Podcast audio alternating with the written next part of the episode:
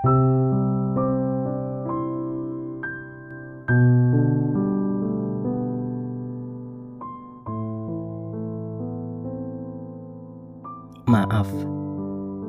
baru sekarang aku membalas surat yang kamu kirim tujuh tahun yang lalu.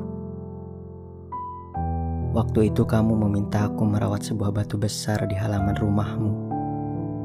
Sebelum nanti kamu pahat jadi patung. Patung itu kamu ambil dari sungai di tengah hutan. Aku suka duduk membaca dan melamun di atas batumu.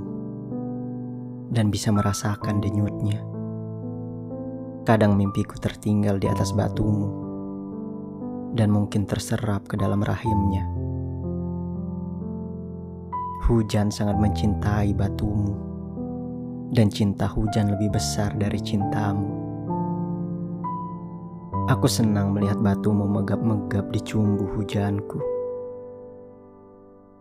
Akhirnya batumu hamil dari rahim batumu lahir air mancur kecil yang menggemaskan. Air mancur itu sekarang sudah besar, sudah bisa berbincang-bincang dengan hujan. Maaf, jangan ganggu air mancurku. Bahkan batumu mungkin sudah tak mengenalmu.